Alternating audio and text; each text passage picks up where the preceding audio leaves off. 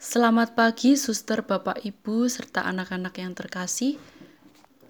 Marilah kita siapkan hati kita untuk berdoa dan mendengarkan sabda Tuhan. Dalam nama Bapa dan Putra dan Roh Kudus. Amin. Puji dan syukur kami haturkan kepadamu ya Bapa atas segala berkat yang kau berikan kepada kami sehingga kami pada hari ini masih kau beri nafas kehidupan yang indah. Bukalah hati dan pikiran kami untuk mendengarkan sabdamu.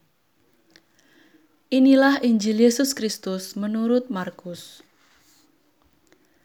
Sekeluarnya dari rumah ibadat di Kapernaum, Yesus dengan Yakobus dan Yohanes pergi ke rumah Simon dan Andreas.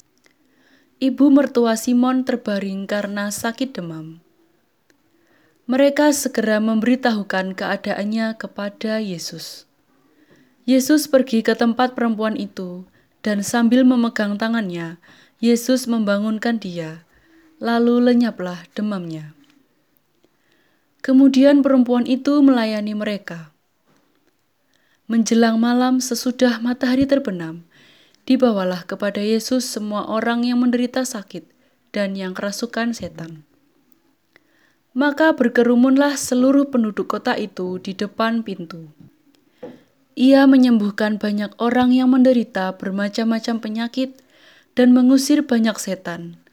Ia tidak memperbolehkan setan-setan itu berbicara, sebab mereka mengenal Dia. Keesokan harinya, waktu hari masih gelap, Yesus bangun dan pergi keluar. Ia pergi ke tempat yang sunyi dan berdoa di sana.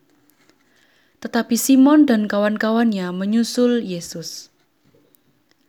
Waktu menemukan Yesus, mereka berkata, "Semua orang mencari Engkau." Jawab Yesus, "Marilah kita pergi ke tempat lain, ke kota-kota yang berdekatan."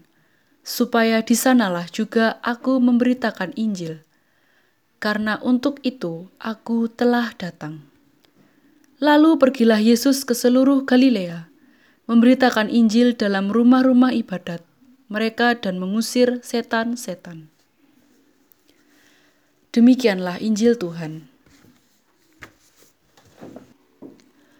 Dalam Injil hari ini, kita mendengarkan bahwa Yesus melakukan banyak hal – Yesus menyembuhkan banyak orang yang menderita penyakit dari satu jenis dan jenis lainnya sampai mengusir banyak iblis. Ketika kita berdoa, kita mempersatukan diri kita dengan Yesus dan seperti Yesus, kita juga mengosongkan diri kita sehingga kita dapat dipenuhi dengan kuasa Tuhan untuk melanjutkan misi mewartakan kabar baik tentang kasih Tuhan. Marilah berdoa. Ya Yesus, berkat kuasamu, Engkau menyembuhkan orang-orang yang menderita sakit dan kerasukan setan. Ulurkanlah tanganmu untuk menyembuhkan yang sakit dan yang dikuasai roh jahat. Ampunilah dan bebaskanlah penderitaan mereka. Amin. Dalam nama Bapa dan Putra dan Roh Kudus. Amin.